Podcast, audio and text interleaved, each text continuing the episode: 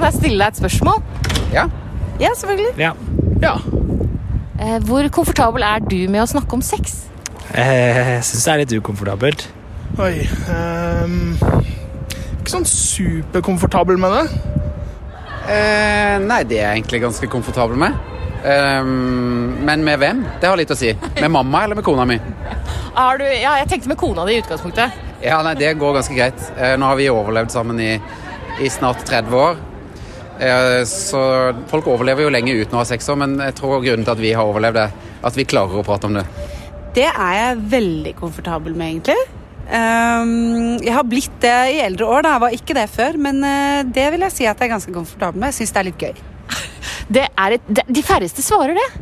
Men eh, veldig mange familieterapeuter som jeg har snakka med de siste ukene, mener jo at grunnlaget for et godt sexliv handler om kommunikasjon.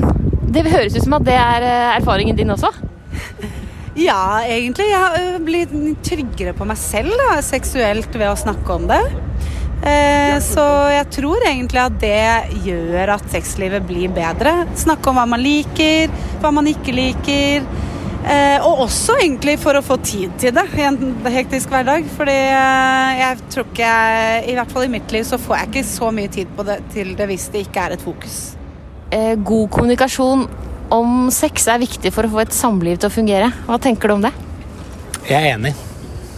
Om, jeg, jeg er helt enig i det. Det tror jeg er lurt. God kommunikasjon om sex er helt avgjørende for å få det til å funke. Hva tenker du om det? Ja, eh, det sa min familieterapeut også. Eh, som jeg gikk til i, i et helt år, faktisk. Eh, og som jeg vil si redda ekteskapet vårt. Hva med, hva med sånne som meg som er singel, da? Ja, Du har jo kanskje sex innimellom. Ja. Innimellom. Snakker du med de du har sex med om det? Ja, eh, det er jo vanskelig å ikke gjøre. Men hvor dypt, det vet jeg ikke. Men er dette et tema Er det sånn at du kunne ønske deg å lære deg et språk der det lett, var lettere å kommunisere? Jeg kan jo ikke stå her og stamme og eh, late, prøve å finne ordene og ikke si ja til det. Det syns jeg er vanskelig. Så ja, ja det syns jeg. Ja, du er interessert i å lære deg å kommunisere om sex. Ja, bedre enn jeg er eh, til det i dag, i hvert fall. Kjempebra. Tusen takk. Familieliv er ikke alltid enkelt, men at det skurrer på hjemmebane er vanligere enn du tror, og det finnes hjelp å få. I denne podkasten fra Familievernet skal vi snakke om nettopp dette. Vanlige folks strev og hva man kan gjøre for å få det bedre. Dere får høre ekte historier, noveller basert på virkeligheten og råd og tips fra eksperter. Og som du kanskje allerede har skjønt fra innslaget i starten, så skal det i denne episoden handle om sex. Velkommen til podkasten Hvordan går det hjemme? Jeg heter Julie Messel. Sex er et eh, viktig tema i eh, et parforhold, men like fullt som det gir glede, kan det også være årsaken til mye frustrasjon. I denne episoden eh, skal det handle om sexproblematikk. Hvorfor skjer det? Hvorfor har én lyst og den andre ikke, og hva kan man gjøre med det? Psykologspesialist Pia Aursand og familieterapeut Jarle Svardal, velkommen hit. Tusen takk, veldig fint å være her. Tusen takk skal du ha. Dere jobber jo begge på Homansbyen familievernkontor i Oslo. Jarle, hvordan er det? Er det mange som kommer til dere og har utfordring knytta til sexlivet? Ja, det er nok det, altså, og det er gjerne som en del av andre utfordringer i parforholdet. Eh, Ofte er det sånn at eh, det med seksualitet og eh, temaer knytta til det kommer litt sånn uti forløpet.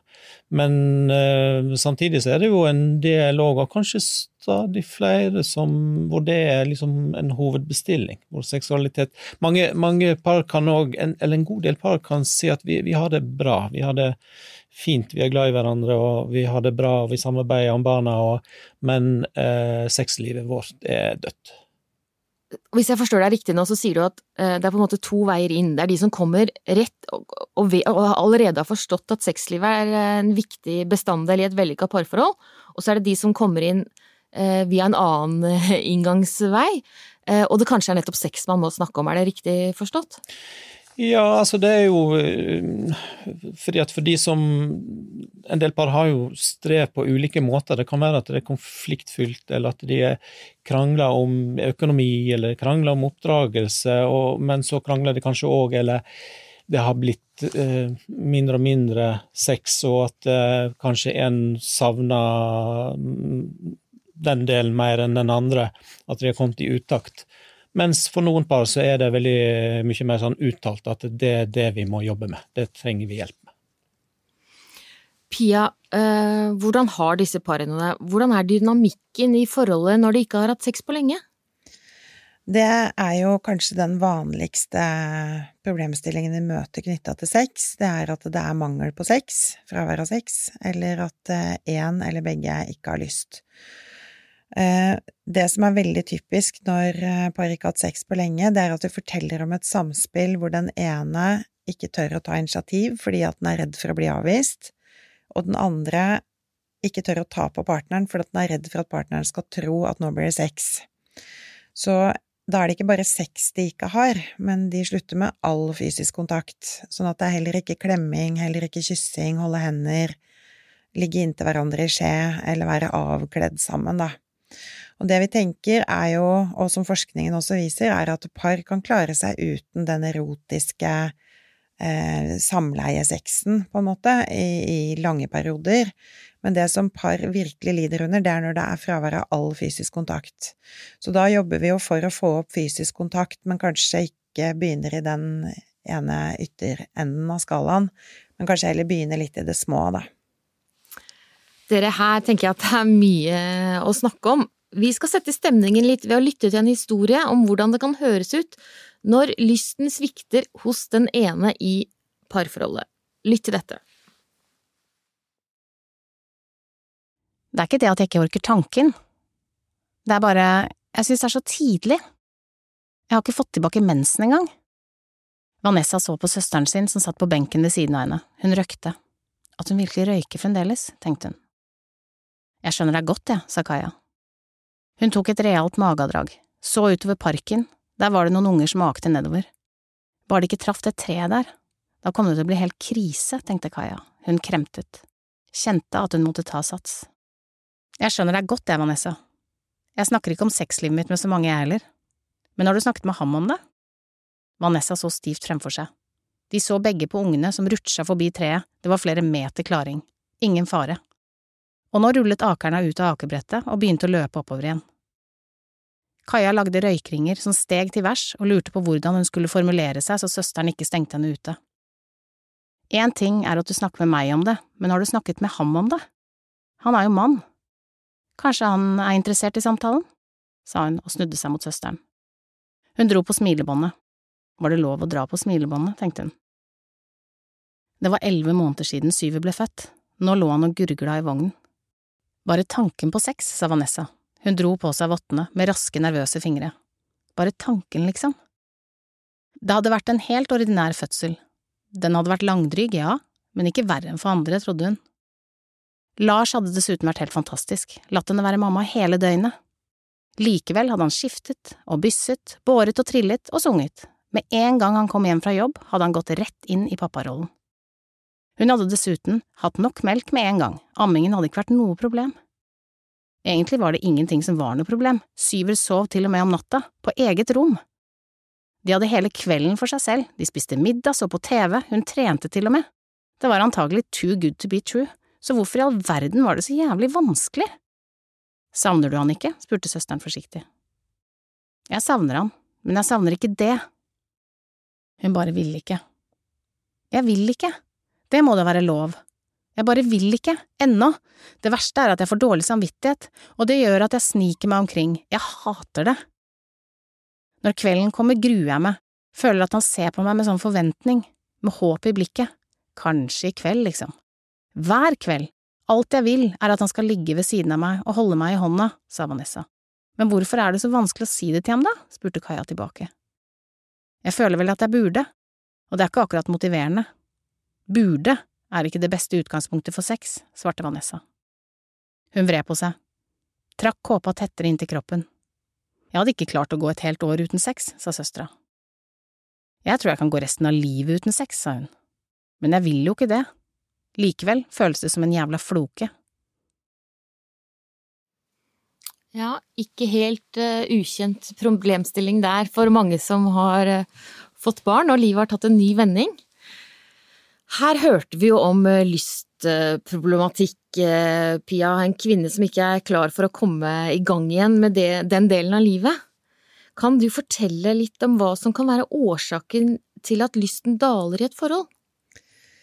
Ja, kontekst og livsfaser har mye å si, eh, og det ser vi helt klare tendenser til i befolkningen. At for eksempel etter at man har fått barn, og i småbarnsperioden, så er det vanlig at par har mindre eh, sex enn det de egentlig kanskje ønsker, da.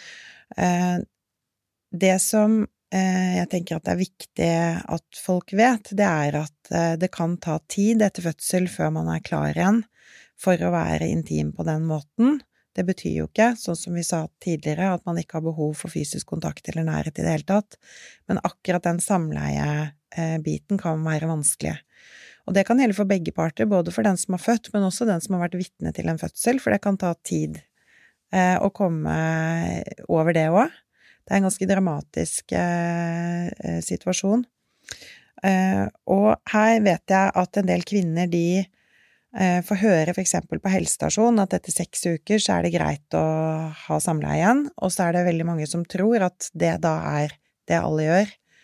Eh, mens for veldig mange kvinner kan det gå seks måneder, det kan gå opptil et år, eh, for noen lenger, før de på en måte er klare, da. Så det viktige er jo å opprettholde annen type fysisk kontakt i den perioden.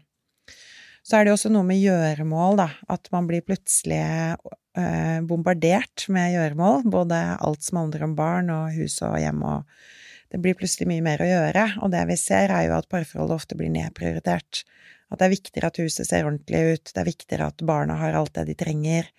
Det er viktigere å eh, få trent eller truffet venner eller eh, støvsuge, og så til slutt så er det aldri tid, da, til å prioritere sex.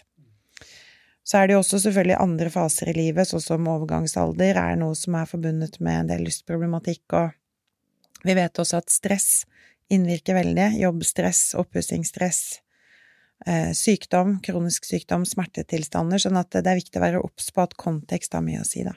Mm. Det høres jo ut som at det er vanskelig, altså, eh, vanskelig å prioritere å få det til. Ja, det, det, krever at man setter parterapi eh, høyt opp på prioriteringslista og bestemmer seg for at vi skal sette av tid til det. Så noen småbarnsforeldre de har jo lørdagssex, altså de har bestemt seg for at på lørdagen det er da vi prøver å få det til. Eh, og for noen så er det helt nødvendig for at det skal skje i det hele tatt. Det høres ut som at sex også for mange må være noe man liksom må gjennom, enda et punkt på lista?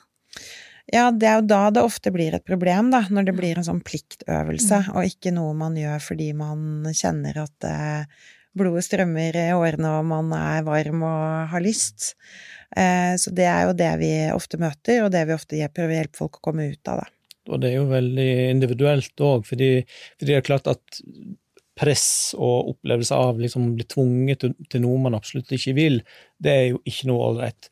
Eh, mens for andre kan det jo handle mer om at man liksom kom litt ut av det sporet, hvor det var naturlig å ha sex. Og, og som Pia sier, så er jo selvfølgelig med, med, med fødsel og, og, småbarnsperioden ekstra krevende. Jeg pleier noen ganger å si til par at det, det er en tid i livet hvor kanskje nesten må sette litt sånn parentes rundt parforholdet, i betydningen ha realistiske forventninger men samtidig òg selvfølgelig eh, prøve å vedlikeholde og ha fysisk kontakt og være liksom kjærlige mot hverandre og, og, være opptatt av å være der for hverandre, avlaste hverandre og eh, få nok søvn og alt det der. For det er jo en del basisting òg som må til for at man skal ha lyst i det hele tatt. Og så må man på en måte man må jo på en måte ha lyst til å ha lyst òg, sånn at eh, det krever òg litt det der å komme i gang igjen rett og slett. Komme i gang igjen, ja. For noen gjør det det. Det handler om å komme litt i gang igjen, fordi at, at sex òg i seg sjøl kan øke sexlysten ja. for en del par. Ble, denne historien vi hørte, var jo fra en kvinnes perspektiv. Pia har snakket mm. nå en del om eh, kvinneperspektivet. Eh, det er jo ikke Vi har en forestilling om at menn vil ha mer uh, sex enn kvinner. Er det nødvendigvis alltid sånn? Det er ikke alltid sånn. Fordi, eh, og det syns jeg som, som terapeut at vi, vi, prøver å være sånn påpasselig på og ikke tenke at mønstrene er alltid sånn, at mann vil ha sex og kvinnen ikke vil ha sex. For det, det er stadig omvendt. Men, eh, men, det er klart, noen tendenser er det jo til at, eh, at menn generelt har mer lyst på sex enn en kvinnen. Så, uh, og da må vi jo snakke om det, og finne litt ut hvordan, hvordan skal de komme på sporet igjen? Og, og, fordi det er så ulike utgangspunkt, og det er så ulik, ulik historie som ligger til grunn for at det har blitt som det har blitt. Så det er der vi må starte. Ja, fordi det er jo ikke alle par som består av en kvinne og en mann. Nei. Hvordan står det til for likekjønnede par, da? Hvordan Der er det de òg de masse mønstre. de går inn i samme mønstrene som, eh, som alle andre par. Ehm, det som, eh, det som kan være litt annerledes for, for homofile og lesbiske par, er jo at de kan på en måte oppleve at de har litt andre De er litt mer fristilte fra litt de der heteronormative, hva skal jeg si, implisitte reglene for hvordan det skal være, hvordan man skal leve parforhold, og hvordan man skal forvalte seksualiteten innenfor et parforhold. Sånn at eh, det, det Hva skal jeg si Generelt er det kanskje litt mer sånn kreative og varierte løsninger, og hvordan man, hvordan man vedlikeholder seksualiteten i parforholdet, eller hvordan man liksom rammer inn seksualiteten i, i et parforhold. Da blir jeg nysgjerrig, da. Så hvordan gjør man det på vegne av meg selv og mine kolleger og mine venner? Hvordan unngår man dette, at denne rutinemessige, rutinemessige hverdagen tar livet av begjæret? For det bør vel kanskje være der? Ja, fordi det er, det er på en måte litt sånn, litt sånn eh, på en måte litt sånn paradoks, eller hva jeg skal kalle det. Fordi hele prosjektet Parforhold handler jo i stor grad om å bli kjent med hverandre og skape en trygg plattform. Et sted å liksom leve livene sammen. Og så blir man kjent med hverandre, og så, um, så blir man kanskje litt sånn ja, tar hverandre litt for gitt, uh, og nysgjerrigheten dabber litt av. og Eh, når nysgjerrigheten forsvinner, så kan det òg bli litt for trygt, og det kan til og med bli litt kjedelig for noen par. Sånn at det der å opprettholde litt sånn eh, ikke tenke at man veit alt om kjæresten sin, og liksom opprettholde nysgjerrigheten og eh, overraske Gjør ting litt, litt, litt, annerledes. At det ikke bare liksom følger rutinen eller gjør det som man alltid gjør. Men eh, man må, må på en måte gjøre ting, skape noe som bidrar til å holde flammen oppe, for å si det sånn. Altså, eh, når jeg hører på det du sier nå, så, så, høres det jo også ut som at man eh, kanskje skal teste ut eh, åpne forhold. Er det veien å gå, eller? Ja, det er veien for alle forhold. Nei, absolutt ikke. Men, men det, er jo, um, det er jo litt interessant at um, i familievernet så, så er det stadig flere par hvor det òg kan bli et tema og at for noen kan det òg være en løsning. Men det krever jo en veldig sånn Det krever jo veldig at, eh, at paret snakker ordentlig om det. Eh, fordi det må være en, en ordentlig eh, gjennomarbeida kontrakt, hvis det er det man skal gjøre. Fordi at det er mange fallgruver der.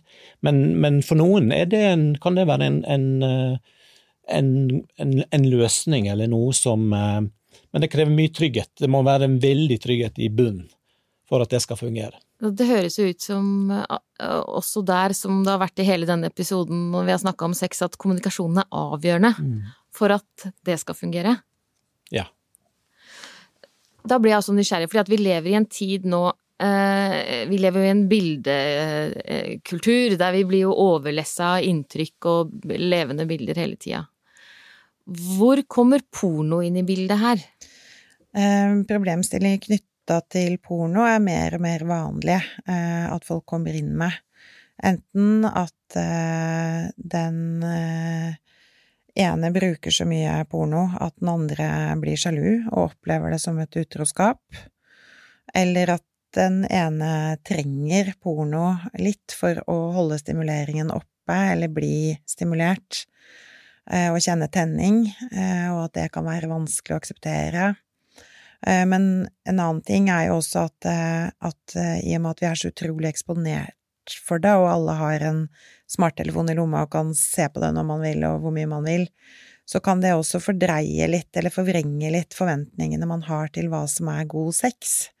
Noen tror jo for eksempel at god sex alltid handler om penetrering, mens vi vet jo og tenker jo at det er ikke noe avgjørende for at folk kjenner at de har et godt sexliv. Det er ganske mange som sier at de har et veldig godt og velfungerende sexliv uten at det er samleie involvert, da. Og også selvfølgelig er det mange vrangforestillinger som presenteres i pornoverden om kvinners og menns behov, og hvordan man får orgasme, og hva som er eh, godt og ikke godt for folk flest. Sånn at eh, det er jo et tema som er mer og mer inne i terapirommet, da. Og Det kommer jo ofte òg inn som et tema knytta til litt det der hvordan hva skal rammene være rundt liksom seksualiteten i parforholdet, og hvordan skal hver og en i et parforhold forvalte sin egen seksualitet. Fordi at eh, seksualitet handler ikke bare om hva som skjer par, liksom, i parforholdet, men det er jo òg noe med, med, med, at vi alle har en, en, eh, en seksualitet. Eh, og hvor går grensen? Hvor er grenseoppgangene? Og der tenker jeg òg pornografi kommer inn. Hva, hva, skal, hva, er greit, hva er ikke greit? Hva skal man tillate, hva skal man ikke tillate? Og det kan jo være litt sånn interessante og, og litt krevende samtaler for par å finne ut hvor hva skal, man, hva skal man tillate, hva skal man akseptere? Eh, at det ikke blir for stramme grenser, og kanskje heller ikke for vide grenser. Så det, det, det, er en, det, er noen viktige samtaler å få til. Um, det syns jeg er veldig spennende, det du sier da. Og da, jo, da vil jeg gjerne stille dere dette spørsmålet uh, som handler om uh, dere, dere, snakker jo med mange par. Opplever dere at folk kommer inn og syns det er fryktelig vanskelig å snakke om, og så etter noen uker eller måneder har, har funnet et språk og en trygghet som de ikke hadde da de kom inn? Ja, altså vi som terapeuter må ofte spørre konkret om det, for det er ofte så eh, sier folk at de har kommunikasjonsproblemer, eller krangler mye, og så tør de ikke helt å ta opp sexen hvis ikke vi spør konkret om det, da. Og en viktig ting som jeg har lyst til at folk skal vite der ute, det er at eh, vi har ulike tenningsmønstre. Eh, noen kan kjenne tenning veldig spontant, uten at de får noe stimulering først. Og andre eh, kan kjenne at de trenger stimulering før de kan vite om de er tent eller ikke. Og det vil jo selvfølgelig påvirke dynamikken i, eh, i, parforholdet. Da kan det jo kjennes ut som at den spontane alltid har lyst, mens den som trenger stimuli først, aldri har lyst, hvis den ikke blir stimulert. Så jeg tenker at det der å snakke sammen og finne ut av hvor, hvor er vi på den skalaen, eh, og finne gode måter å møtes på i det, det er jo noe av det som terapi kan hjelpe til med. Vi, nå har vi vært gjennom mange interessante problemstillinger knytta til sex i parforholdet, syns jeg, da. Helt avslutningsvis, har dere noen helt konkrete råd? Ja, altså når man ikke har hatt sex på lenge, så er i hvert fall ett viktig råd er å få opp fysisk kontakt. Det trenger ikke være samleie eller erotikk, det kan holde med at eh, man begynner med lange klemmer, ligge i skje, ligge inntil hverandre, sitte ved siden av hverandre, holde hender når man ser på serier, men også da kanskje bli enige om at det stopper der, inntil det kjennes trygt, for man skal ikke ha sex når man ikke har lyst. Eh, press er litt sånn lystens verste fiende. Jarle, har du noen tips? Altså, jeg tenker jo på det med å liksom hente opp igjen nysgjerrigheten på hverandre, og, og være litt sånn interessert i den andre, og ikke tenke at du, du, du, kjenner kjæresten din ut og inn og på alle områder. At det kan fortsatt være noe som er uoppdaga. Så det å, det å, være liksom på liksom oppdagelsesreise i, i, hverandres liv, og, og det å det med, det med å innføre litt sånn spenning, overraskelser, og gjøre noe litt sånn uventa fordi det kan gi en liten gnist. Og så går jeg ut ifra at det siste rådet er å oppsøke familievernkontoret? Absolutt. Ja, absolutt. Takk for at dere var med oss, Jarle og Pia, og takk for at du lyttet til podkasten Hvordan går det hjemme?